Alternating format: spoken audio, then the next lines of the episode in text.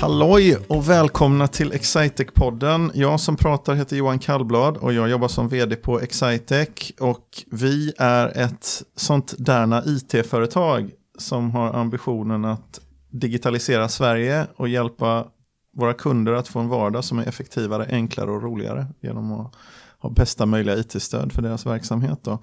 Och den här podden den handlar framförallt om mina kollegor, vår personal och någon gång ibland eh, någon samarbetspartner eller någon kund. Och eh, idag så har jag fått hit eh, en relativt nybakad kollega, men han känns som han har varit här eh, länge. Eh, Hampus Strandqvist, en, en, en del av den blivande illustriösa traineegruppen 2018. Mm, tack så, så mycket. Ja. Välkommen tack. till Excitec-podden. Ja, tack. Det ska bli väldigt spännande det här. Har, har, du poddat någon gång förut? Jag har aldrig poddat förut, men jag lyssnade på eh, Linnea, vår kollega ja. eh, som, hade, som poddade här för eh, några månader sedan tror jag. Ja. Så jag är lite förberedd. Ja. Okay. Ja. vad, var det, vad valde Linnea för något ämne att prata om? Jag kommer faktiskt inte ihåg. Ja, det var mycket traineeprogrammet, ni pratade om Vismanet, ni pratade om att hon, hon hade tagit två års uppehåll innan hon började plugga. Och... Just det och lite sådär. Så du går ju traineekullen med Linnea, men Stämmer. hon poddade för några månader sedan, eh, så du kan ju mycket mer nu. så du kan ta i där hon, ta, ta vid där hon, eh, hon började, eller hur hamnade du här? Vi börjar där. Um, och vad gör du? Vad, vad... Ja, precis. Jag, kan, jag är trainee inom eh, affärssystem Visma Business. Ja. Um, och eh, ja, jag tycker det är roligt eftersom det är så mycket det är ett, ett system som kan användas på så många olika sätt. Samt att det finns så många krimprodukter som verkligen funkar med Visma Business. Yeah. Så lite där jag är just nu och lär mig ganska mycket av de här olika krimprodukterna också. Yeah. Som, man kan, eh, som kan hjälpa ett företag eh, i deras dagliga verksamhet med eh, affärssystem och liknande. Så det tycker jag, tycker jag är superkul att lära mig mer om. Hur hamnade du på Excitec då? När, när skrev du på papperna? Jag skrev på papperna 2017 december. Ja. Skrev jag på. Um, här, här i Linköping. Ja. Det, var, det var riktigt roligt. Sen hade jag tentor i januari 2018 och de var svåra att motivera. Men det gick bra det också. Men eh, jag hamnade här i och med att eh, jag gick på en, eh, en eh, kontaktsamtal med Mats Stegeman. Ja. Um, och eh, fick, en väldigt, fick ett väldigt bra intryck. Och sen så hade jag, kom hit på en studentkväll och sen kom jag hit på en studentkväll till. Och eh, efter det så, så sökte jag. Och sen gick det ganska fort, tog en månad. Sen hade jag skrivit på. Va, va, hur var sen, sen gjorde du examensarbete eller någonting under våren? Mm, det stämmer bra. Ja. Eh, jag skrev om eh, tillväxt i mindre it-företag. Ja. Utifrån affärsmodellsperspektiv. Vad är de olika viktiga komponenterna i en affärsmodell för att ett mindre IT mindre IT-företag ska kunna skapa tillväxt och i vilka perioder är olika delar i affärsmodellen viktig. Oj, den borde jag läsa kanske. Ja, den, jag är väldigt nöjd med den rapporten faktiskt, ja. tycker jag. Så den, den ska du få. Kan, ja, kan jag få läsa den? Kan man, kan man klippa bort, liksom, kan, har du en sån här eh, executive summary, eller hur lång blev ja, den? Ibland så, så skriver ni så väldigt långa rapporter. Ja. Det är dryga 100 sidor blev den. Ja, men 100 sidor är okej. Okay. Ja, det, är okay. det, det är bra. Och hur mycket av det är sådana här teoretisk referensram och bakgrund? Och... 20 kanske. Oh. 20, lägg på 5, ja, 30. Gjorde du den där på universitetet eller på något företag? Eh, jag gjorde den på, det blev lite 50-50. Eh, mm. I och med att eh, vi hade ett företag men vi kunde inte sitta där så mycket.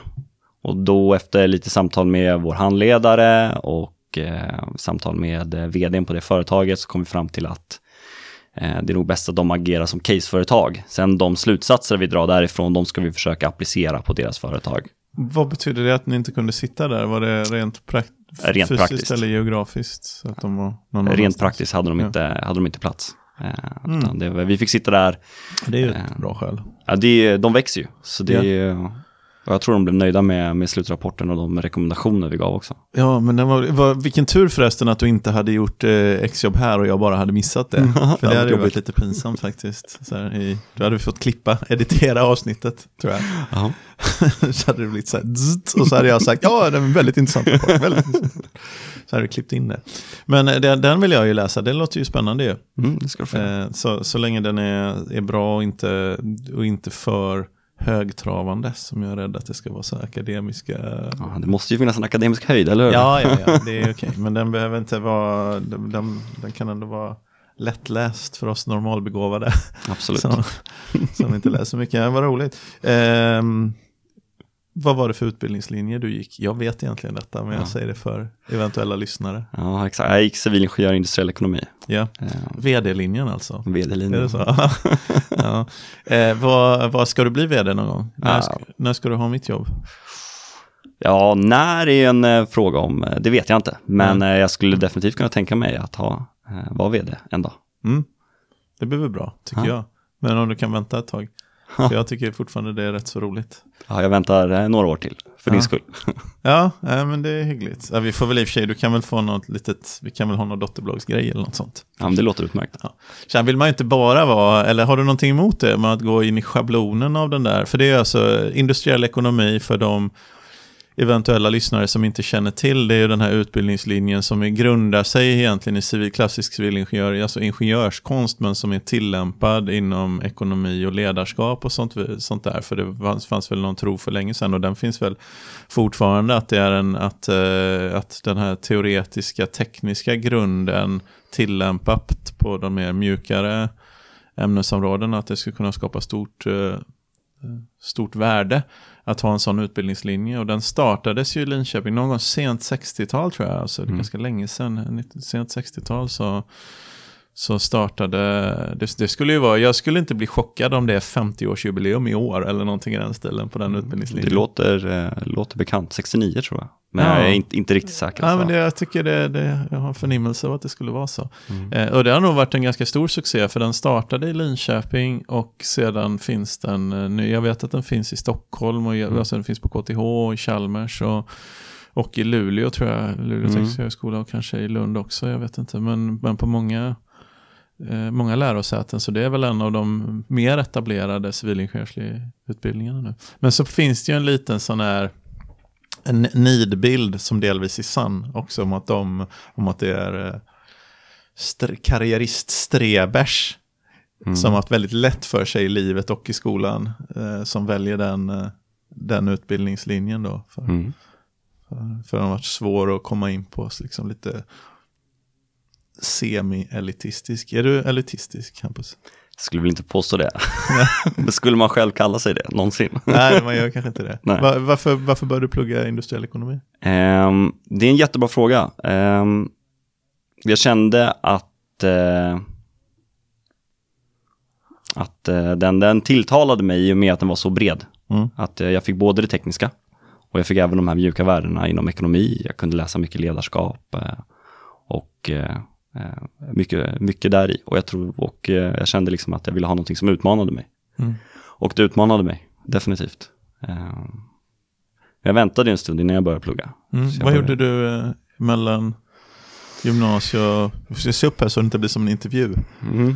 Ehm, jag eh, jobbade på GameStop i eh, fem, eh, fem år, fyra år menar jag då. Ehm, tre år som butikschef. Ja. Så det var det jag gjorde emellan och skaffade barn. Ja. Så det, ja, Var, var kommer du ifrån? jag kommer från Stockholm. Ja. Så jag är uppvuxen där, så flyttade vi hit maj 2012. ja. Det är väl inte så här alltigenom, det är, det, är, det är i regel inte det man rekommenderar innan, liksom se till att skaffa barn innan du börjar plugga. Eh, Nej. det är åtminstone inte det vanligaste. Vad är, vad är, vad, vilka plusvärden skulle du se i att ha haft barn när du pluggade? Vilka fördelar? Så fördelarna är ju att... Eh, För man- nackdelarna är uppenbara skulle jag säga. Ja, Men- men så- det, är, det är lite mycket att ta, ta, ta i samtidigt som man ska lära sig allt nytt på universitetet och eh, man ska eh, lära sig allting. Fördelarna är att plugga är så fritt. Du kan eh, välja om du vill gå på en föreläsning. Eh, Du kan välja att gå hem klockan fyra, så kanske sitta på kvällen istället. Mm. Ehm, och eh, du kan välja att lämna nio en morgon för att du har ingenting förrän, förrän klockan tio. Mm. Så på så sätt finns det mycket, många fördelar. Eh, Man lär sig disciplin, man lär sig när man behöver plugga. Mm. Man lär sig också att, eh, att eh, allting handlar inte om att få femmor i, i allt. Liksom. Det, det har liksom inte varit min, min filosofi att, att acea allting och plugga 80 timmar i veckan. Jag tycker jag har klarat mig väldigt bra ändå. Mm. Ehm, utan eh, jag har lyckats balansera ett, eh, ett familjeliv samtidigt som jag har läst en eh, utbildning på fem år och det tycker jag är, är starkt. Hur gammal, det är en dotter du har va? Mm, Ja, stämmer hur, bra. Hur gammal är hon? Hon är sex, fyller sju i år. Ja. Så, det, så hela, hela tiden. Ja. Under hela studietiden hade jag en, hade jag en liten. ja. Så det var... Och din, din fru pluggar också? hon, vi pluggade samtidigt, hon pluggade systemvetare i, eh, på Linköping också, Ja. tre år. Så under tre år pluggade vi båda. Så törs jag gissa att ni har gjort en dramatisk förbättring i era, i er privatekonomi senaste, sen båda började jobba här då? Eller? Ja, det, det vågar man, eh, helt rätt. Ja. Vi eh, behöver inte sitta där sista veckan och se vända på varenda krona, utan nu är det, om jag vill gå och äta lunch ute så gör jag det. Ja, men det är lite härligt för att det, det är eh, det är ju som med, barn så uppträder en del eh, baskostnader känns det som som är svåra att undvika. Eller det, det är vad det är liksom. Man kan inte riktigt säga äh, vi kör bara nudlar i en månad nu för jag har inga pengar. Liksom. Det vill man ju inte göra när man har, när man Mm. har barn utan man vill kanske Nej, leva på något anständigt sätt. ja precis. Jo men det, det är sant, man måste ju planera det så att man, som du säger, nudlar är ju gott, Ja, men eh, dottern tycker inte det är gott. varje dag. Sju dagar i veckan. Ja, det är kanske inte så nyttigt heller att Nej, bara precis. nudlar. Nej, precis. Men det är också lite, folk frågar jämt här, hur, hur var det att plugga med barn? Var det, var det svårt? Hur fick ni allting att gå runt liksom? Och eh, svenska samhället är helt fantastiskt på det sättet. Ja. I och med att eh, man får så mycket stöd från, från alla möjliga håll. Mm. Eh, som gör att man inte är, man eh, har inte man har inte de, eh, man har det ekonomiska stödet från, eh, från Försäkringskassan. Man, man får bidrag för att man har barn och, och pluggar. Man får lite extra bidrag från, eh, från CSN. Mm. Så på så sätt finns det, man behöver inte vara rädd, bara för att man har barn så behöver man inte vara rädd för att plugga för det kommer bli bra ändå. Mm. Och eftersom man har barn så kanske man inte är ute fredagar, lördagar, kanske onsdagar också. Eh, så då sparar man ju lite pengar på, Just det. på eh, Och lite kapacitet på att inte vara bakis fullt lika ofta. Precis, Ja. precis. Det är bra. Jag, ja, jag tycker ju helt, det, det, eller jag höll på att säga, det vet ju du höll jag på att säga, det vet du väl kanske lite, men inte, du har inte varit med på så många kickoffer och, och sånt där, där jag har stått och pratat, men jag är ju en total sucker för det svenska trygghetssystemet. Mm. Alltså det är ett av kärnvärdena kring varför jag, liksom, jag personligen och vi brinner för att göra svenska företag framgångsrika. Det är för att vi ska ha råd med det här förmånssystemet trots alla kostnader som det, som det för med sig. Eller trygghetssystemet. Och jag tycker det, det är helt det är otroligt bra. Jag, jag, jag speglar det personligen mycket i att ha bott i, jag har bott och jobbat eh, och pluggat eh, fyra, fem år i USA. Eh, och jag älskar USA på massor av, eh, på massor av sätt. Eller jag, jag älskade att vara där, jag älskade mitt liv och så. Men, men jag tycker att de har gravt misskött liksom, de här trygghetssystemen. Men det är en annan kultur, men, men eh, det är något som man kan vara så oerhört stolt över.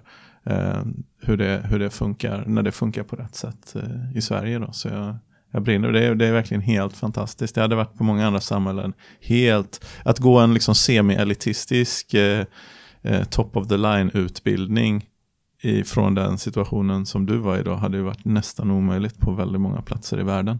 Eh, och det går alldeles utmärkt här. Mm. Det är jätteintressant. Men det var inte det, ja, som sagt, nu har jag igen här för andra podden idag valt ett samtalsämne som, som vi har ju en, en, en punkt i den här podden som heter Någon berättar om något då. Mm. Och, eh, och det är du som är någon och jag är nästan, jag valde ju ett litet ämne här men, men jag har även föreslagit tidigare att vi ska ta, prata amerikansk fotboll eftersom du är en av få kollegor som delar min passion där. Men, men om någon ska berätta om något så är det faktiskt du som ska få välja ett samtalsämne. Så har du något samtalsämne som du vill prata om? Jag gillar ju golf. Ja. Det gör jag ju också. Ja. Väldigt mycket. Ja. Ehm, har inte spelat jättelänge, ungefär i eh, tre år. Lite drygt tre år. Mm. Och det är riktig golf vi pratar om nu här. Alltså, det är inte Ja, det är inte minigolf och minigolf. inte frisbeegolf. Ja, det är inte frisbeegolf, utan Det det är, är, sådana riktig som golf. spelas ut på kortklippta gräsmattor. Exakt. Eller, eller i mitt fall, i höga vildvuxna gräsområden och skog. Men, Man har ju varit där några gånger. mm. Jag såg det att de hade på, en, eh, på min hemmabana, eh, Landeryd. Ja. Så eh, har de skyltar uppe där det står eh, i skogen, där när man slår ut, är du här ofta? ja. Och då blir man lite, ja, tyvärr så är jag ju det. Jag brukar säga att jag går, är där för att leta boll, för att hitta bollar, alltså för att fylla på bollförrådet. ja, precis. Ja, det är, man kan hitta några stycken om man Ja. är där. Vilken är, vad, så berätta lite om golf och din relation till golf. Du började för tre år sedan sa du. Ja, precis. Jag började på, ja, när jag gick den här semi-elitistiska utbildningen då, Ja. så hade jag några kompisar som hade spelat golf. Ja, Eller som spelade väldigt mycket. det var det eller hästpolo. precis. Ja. Cricket är också väldigt Ja, populärt. är populärt, ja. Nej, men eh, de, eh, de eh, frågade om inte jag skulle med och jag testade lite och det gjorde jag. Ja. Och sen så var det inte långt därifrån som jag skaffade grönt kort och lite klubbor och, och började spela. Så det, det är någonting som jag, jag lägger orimligt mycket tid på. Tycker åtminstone min, eh, min fru. Eh, Och spela, sitter du även och tänker mycket på golf? För det har jag gjort i de perioder där jag har spelat golf. Att jag, jag tänker väldigt mycket, jag vill gärna prata om golf också. Jag vill gärna prata om hur man skulle kunna... Ja, Ja. ja definitivt. Jag tror att, att spelet absolut blir bättre av att man tänker mycket på, Ja, precis. på hur man ska spela. Ja. Absolut, hur man ska svinga, vilka, vilka små ändringar man ska göra för att komma de här tre metrarna längre och ja, det är mycket sånt. Hur, hur skulle du karaktärisera ditt spel nu då? Är det, spelar du långt och brett eller vårdat och, och snyggt eller bara långt och rakt? Eller vad är, vad är dina styrkor? Är hyfsat rakt eh, med allting förutom driven. Ja, Eh, men ganska kort tyvärr. Eh, så jag har faktiskt varit och testat nya klubbor Ja. för att se om jag kan få, för de, det är schysst, man behöver alltid nya klubbor. alltid nya klubbor. Nej men det var ju, det första sättet jag köpte var ju något på XXL, 2000 spänn. Ja. Eh, testade ingenting utan gick in och tog det för att jag skulle börja. Mm, mm, Och nu var jag på eh, en golfbutik här och testade Mm. klubbor och hittade ett set som, som var lite längre eftersom jag är ändå hyfsat lång, 1,90. ja, Och, och fick väldigt bra känsla. ja. Så nu, eh, det ska inhandlas sen. Ett, eh, så det, då, då slår jag lite längre också. Så förhoppningsvis blir det långt och rakt, inte bara rakt och kort. Utan, eh, så det, jag är orimligt taggad för säsongen i Ja. januari. Ja, det är bra faktiskt. Ja. Vad, tittar du tittar mycket på YouTube-videos också? På, Ja, det gör jag också. Ja. Eh, får ju de här eh, notiserna i telefonen också. Nu har kommit ut en ny video. Ja. Har du, det här, eh, jag har sagt en gång, eller vid ett flertal tillfällen, att, att golf är en sport som tar fram de sämsta egenskaperna i människan. Har du upplevt det här? Jag har upplevt det, har varit väldigt frustrerad många gånger. Ja. Eh, när man står där och ska svinga och så gräver man en stor grop istället. Ja. Då blir man så deprimerad på sig själv. Så Hans Werthén, tidigare Electrolux-chef, där har sagt att golf är en primitiv form av jordbruk. Mm. Som han spelade inte golf då. Precis. Nej, så det, men å andra sidan så är det, man kan ju, till slut ger man ju lite upp efter ett tag när man har gått eh, nio hål och det, det är bara gått dåligt. Mm. Och då kommer man in i ett läge där det bara är, ja men vi släpper allting, jag spelar nästa hål och eh, bara har trevligt. Mm. Pratar med mina, de jag går med. Mm. Och eh, då går det helt plötsligt mycket bättre. Men ska man tänka sig att alla lyssnare känner till eh, det här, att i grund och botten det handlar om att på så få slag som möjligt ta sig från en utslagsplats som heter tee Mm. till ett litet hål som man har gjort i en eh, platt och fin gräsmatta som kallas för green. Eh, och så gäller det att på så få slag som möjligt eh, dutta ner bollen i, i hålet där. Mm. Eh, för att hitta hålet så har man satt en flagga i, i det. Eh, eller en pinne. Eh, och det är den man, man letar upp och försöker slå till på så få slag som möjligt. Och sen går det inte. Det låter ju, det är bedrägligt enkelt. Mm. Eh, Samtidigt som jag kan tycka också att sporten är helt orimlig när man står där ibland. Och så finns det par betyder det finns par tre, fyra, fem hål och par betyder det är idealslag, idealresultatet på ett hål. Eh, och slår man bättre än par då heter det ett slag bättre än par. Då är det birdie. Eh, två slag bättre par eagle, det händer. Jag har aldrig gjort en eagle ska jag säga själv. Jag har gjort en birdie. I, I 25 år, eh, jag har aldrig gjort en eagle. Eh, för jag, man kollapsar ju alltid när man är i läge där man skulle kunna. Ehm, och eh, det, det, alltså, normalduktiga golfare har gjort en hel del eagles. Ja. Det, det säger mer om mig än om sporten. Men det är inte speciellt vanligt kan man väl lugnt säga.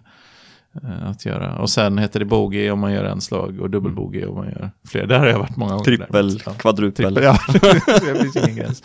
Eh, så, så, så är gr- grund i det här med det här bedrägligt enkla spelet. Det som handlar om, tänker jag, det är att man har ju en plan Mm. på ett hål. När man spelar ett, eh, ett, ett hål eh, så, så har man ju en plan. Och sen blir det ju i regel inte så som man har tänkt sig. Nej. Och då måste man hantera det utan att bli för girig. Mm. För det är väldigt lätt hänt att jag, jag kom 20 meter kortare och 10 meter snedare än vad jag hade tänkt. Och det, det kompenserar jag genom att slå 20 meter längre och 10 meter rakare på nästa slag. Och det blir i regel inte så. Nej, det blir det inte. För datapunkten du har tyder på att du egentligen är sämre än vad du tror. Ja. Så då kan du inte tro att du är ännu bättre på nästa slag än vad du var på slaget innan. Nej, precis. Det är, eh, det är ju någonting man själv har upplevt, liksom. att ah, okej, nu var det lite kort, om jag tar en längre klubba eller jag tar något annat för att kompensera för det här då. Eh, och det försökte jag med ganska länge. Och sen så började jag titta lite på PGA-touren, Mm. började titta lite på Europatouren och se proffsen. De slår också snett. Mm. De, eh, de slår också i bunker och de slår in i skogen. Och det, är liksom, det, är inga, det är inget konstigt med det, eh, att de gör det. Eh, Det är bara det att deras, många gånger är det, har de, kan de lösa det. Mm. Men jag är inget proffs. Det är därför jag har mina extra slag. Mm. Eftersom eh, när man, eh, när man inte är, om man inte är eh, jätte, jätteduktig på golf så har man alltid extra slag på varje hål. Mm. Och då utnyttjar jag min extra slag istället. Mm. Försöka, okej, jag kan försöka slå mellan de här två träden som är jättetajta. Mm. Men det är ju bara dumt. Ja. För då kommer jag träffa träd och sen säkerligen träffa mig själv. Ja. Eh, Ja, okej, det, ja, det är så. Det är typiskt dåligt. Det är faktiskt straffslag på det i golf. Det är lite roligt. Man tänker att straffet skulle vara att det gör ont, för det gör det. Eh, Så in i. Men man får även, eh, även straffslag i. Ja, precis. Ja, de spelar ju väldigt tråkigt på PGA-touren Ja. egentligen. Fast det är ju inte tråkigt ändå, för de slår ju så vanvettigt långt eh, och Ja. så vanvettigt skickligt. Men de tar ju, man säger ju att eh, de, de kompenserar ju inte genom att ta extra risk. För de vet att i regel så är det en dålig affär. I regel är det bättre att ta bort risk. Ja, Så, och, och ta det lite lugnt. Så de, eh, men de spelar ju för brödfödan. ja precis. Ja, det är ju lite mer pengar i deras, eh, när de går ut och spelar, än vad jag tjänar. Ja, Jag går ju lite back. ja. Hur är det, brukar du spela om pengar med dina, med dina kompisar? Eh, nej, det har vi inte gjort hittills. Möjligtvis en korv eller en glass. Ja, på. Ja, Jag är en sån som gärna hetsar om att, om att spela om pengar när man spelar. Eh, vilket är en dålig egenskap egentligen, men det är det att jag, jag spelar mycket bättre då. Och, det, och, och en del andra blir mer stressade av det. Så jag har till och med kompisar som, är, som har varit arga på mig och säger att det är faktiskt, du går och spelar som en kratta hela tiden och sen på hål 10 säger du att vi lägger en hundring per hål och sen tar du hem alla pengarna som väldigt arga på mig eh, över det. Har hänt. Fast det var länge sedan nu. nu. Nu är jag helt säker på, jag har inte hållit i några klubbor på tre år egentligen. Så jag är ganska säker på att jag verkligen inte hade gått därifrån rikare om man hade spelat om pengar. Eller? Ja, jag är ganska säker på det. Det är ganska roligt däremot. Man spelar då varje hål, så spelar man match på varje hål och så skickar man potten vidare om ingen vinner. Det blir faktiskt ganska... Ska Det är ta upp ganska det med, roligt. med några kompisar. Jag tycker det. Och så ser man det, men det intressanta är vem är det som, vem är det som börjar vinna? För alla har ju sitt handikapp. Om alla har rätt handikapp, så man spelar ju med, med handikapp fortfarande. Tänker jag. Så så att eh, egentligen har ju alla samma förutsättningar att vinna. Men vem är det som vinner hela tiden? Mm, det är den precis. personen som har bäst psyke, antagligen. Ja, Eller? exakt. Eller den som har fuskat bäst med sitt handikapp. Det är sjukt Det är tråkigt. när- tråkig sak. Ja, det är tråkigt. med, med golf. Det Eh, är handikapp. tråkigt. Mm. Fuskandet. Det finns en själv, självreglerande sak i det. Och den Mm. självreglerande saken är att det är lite status att ha lägre handikapp. Mm. Och det är incitamentet för att ha ett för lågt. Men i övrigt så är det ju tråkigt att det finns ju bara incitament att ha höga handikapp. Det är alltså ett honor system ju. I, Mm. i där, man, där man liksom frivilligt egentligen väljer om man rapporterar. Man ska ju rapportera rundorna men det finns ju ingen policing som gör att man gör det. Du kan alltid avbryta en runda på hål nummer 17 och Mm. inte spela klart den. Och det finns ingen det finns ingen automatik om du inte spelar tävling i hur det blir en rapportering. Så det är väldigt lätt att eh, ha ett för högt, om man är duktig golfare, speciellt upp på väg och Mm. bli bättre, så kan man ha för högt handikapp och då faller liksom själva handikappsystemet lite grann. Men de har gjort om det handikappsystemet, Ah, okej, eller ska göra om det till med på. 2020, Ja. tror jag. Och det, vi får se hur det blir då. Då har man lagt upp det som, eh, man har använt ett eh, samma system för hela världen. För nu har det varit olika i USA och i, här i Europa. Ja. Eh, Så det, jag hoppas att det blir bättre, för det är väldigt tråkigt när det är tävlingar och liknande. Mm. När, eh, när det är någon som helt plötsligt har tio slag bättre än sitt handikapp. ja, för det händer aldrig. Det händer aldrig. För handikappet ska ju representera den bästa rundan du kan spela. Mm. Liksom. Och så att om du slår ett slag bättre, då har du slagit lite bättre än det bästa du kan spela. Då har du blivit bättre, grattis, stort, fantastiskt, jättebra. Det Precis. ska representera liksom det bästa du kan på din nivå. Så Mm. det är inte att någon helt plötsligt skulle dyka upp i en tävling, vilket händer i varje tävling. Mm. Och är åtta slag bättre. Alltså det är ju ett mirakel som har inträffat. Precis. så kan du ändå gå och kolla i listan och säga att han vann sina fyra senaste tävlingar. Så det är ju det är en tråkig sak i ett honor. Själva poängen med ett honor system faller lite om man inte är honorable. Ja, faktiskt. verkligen. Definitivt. Så, så. Ja, vad tycker du annars om golfklubbslivet? Jag började ju då spela väsentligt mycket tidigare än vad du gjorde och Mm. det var inte sådär på 90-talet. Och Kanske till och med, ja, det var inte alltigenom härligt när man var, när man var 20 år gammal och hade shorts och t-shirts och skulle ut och spela golf på Linköpings GK. Eh, faktiskt. Levenot, eh, alltså det var många, många som ägde stället som, eh, som tyckte att eh, golfen var lite finare än dess, ut, än dess unga utövare. Mm. Ja, jag förstår eh, vad du menar. Jag har varit med om det någon gång, men väldigt sällan. Mm. Eh, Landeryd, där som jag spelar då, är väldigt, har varit väldigt öppen ändå, tycker jag. Jag har inte stött på någon som tycker en det ena än det andra om en, utan man har det ganska trevligt när man är ute och, och går. Jag spelar i somras så var jag ju, då hade ju de flesta av mina eh, studiekamrater också flyttat till Stockholm eller flyttat till en annan stad, och, så det fanns inte så många kvar att spela med. Jag gick ut ganska tidigt själv Mm. och träffade pensionärer eller andra personer som jag, som jag spelade med. Och det, var, det var superkul att träffa på människor som jag aldrig annars hade Mm. pratat med. Mm. Och då gick man där i två, tre timmar Mm. och pratade. Så det var någon som var vd på ett stort företag i, i eh, USA. Det var någon, eh, några pensionärer som berättade om sin livshistoria.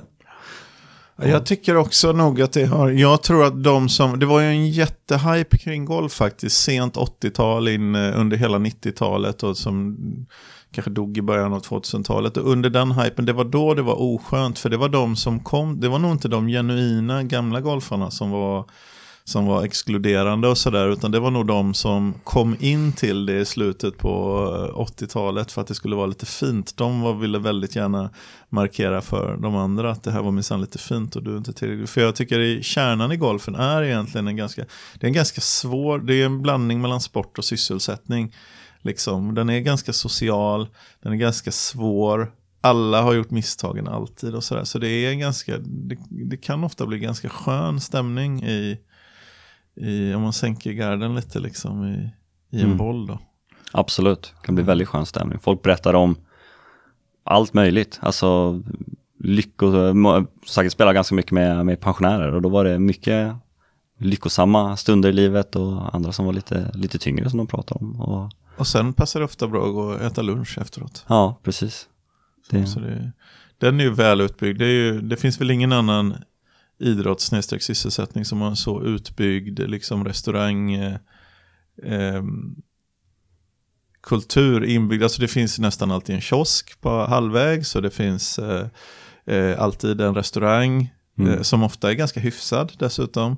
Som, eh, som man kan äta lunch vid eller, eller middag på sådär. Så det, det är ganska väl, för så är det ju inte liksom om man går på innebandyturnering. Liksom. Det finns ingen restaurang där då. nej, Som, som, eh, så det är väl lite speciellt i den. ja, det är väldigt trevligt att uh, kunna ta, en, uh, ta någonting att äta i, efter nio hål. Ja. Och sen så kunna sätta sig och käka efter 18. Ja. Och fortsätta den här dialogen med dem man har spelat med eller, eller liknande. fortsätta umgås. Jag känner faktiskt att jag blir lite sugen, jag kanske ska plocka fram mina klubbor. Det allra, det allra bästa jag borde göra som jag ville spöka till din golfsving lite grann, då skulle jag kunna försöka sälja på dig mina, mina klubbor jag har hemma. Jag har nämligen fler, mer än ett golfset hemma i källaren. Men jag har eh, så kallade, du är från moderna tiden, har du spelat med bladklubbor någon gång? Nej, aldrig. Nej, det, det borde du göra, för det, de är mycket vackrare nämligen. Jag har ett eh, set eh, Ben Hogan Tour Apex eh, smidda bladklubbor som, eh, som är eh, otroligt vackra. Som jag tror skulle göra under för din golf. Det skulle påverka ditt golf-självförtroende väldigt mycket. Ja, du säger påverka, men du säger inte positivt och du säger att de är vackra. Nej, ditt självförtroende kommer påverkas positivt. Din ability to execute däremot kommer inte. Så det kommer komma ett väldigt stort glapp mellan, mellan vad du känner att du kan göra och vad som verkligen kommer, eh, kommer hända, tror jag. Det skulle vara kul att testa ett par, men jag tror jag nöjer mig med det här nya klubbsättet ja, som jag har siktat in på. För jag hade en period jag tyckte att om jag ska spela golf så ska det åtminstone se snyggt ut.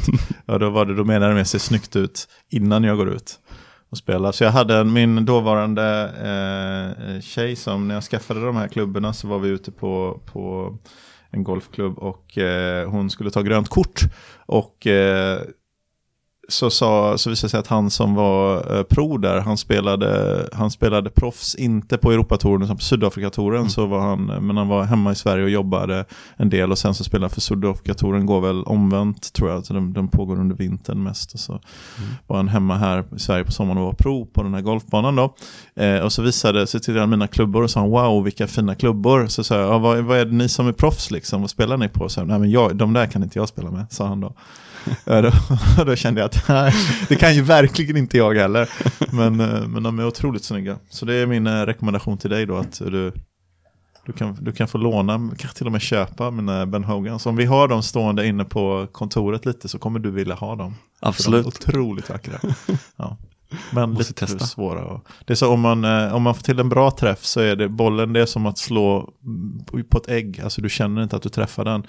Eh, men om du får till en liten sned träff, alltså inte en perfekt träff, så är det som att slå in klubban i en tegelsten. Det är väldigt olika då. Du när du slår, du vet inte om det kommer vara ett ägg eller en tegelsten du, du slår in i. Och det känns väldigt det påverkar en lite mentalt efter ett tag. jag kan tänka mig det. Ja, jag får ta hit dem så får jag testa. Ja, de är härliga. Ja, ja jag kan tänka mig. Ja, men stiff, äkta, äkta hårda skaft också såklart. Med stiff, ja, det är klart. stiff skaft såklart. Bra, men vad, vad trevligt att prata lite golf. Ja, alltid Hampus. kul att prata golf. Ja, tack. Jag hade tänkt att vi skulle prata mer trainee-program, men det glömde jag.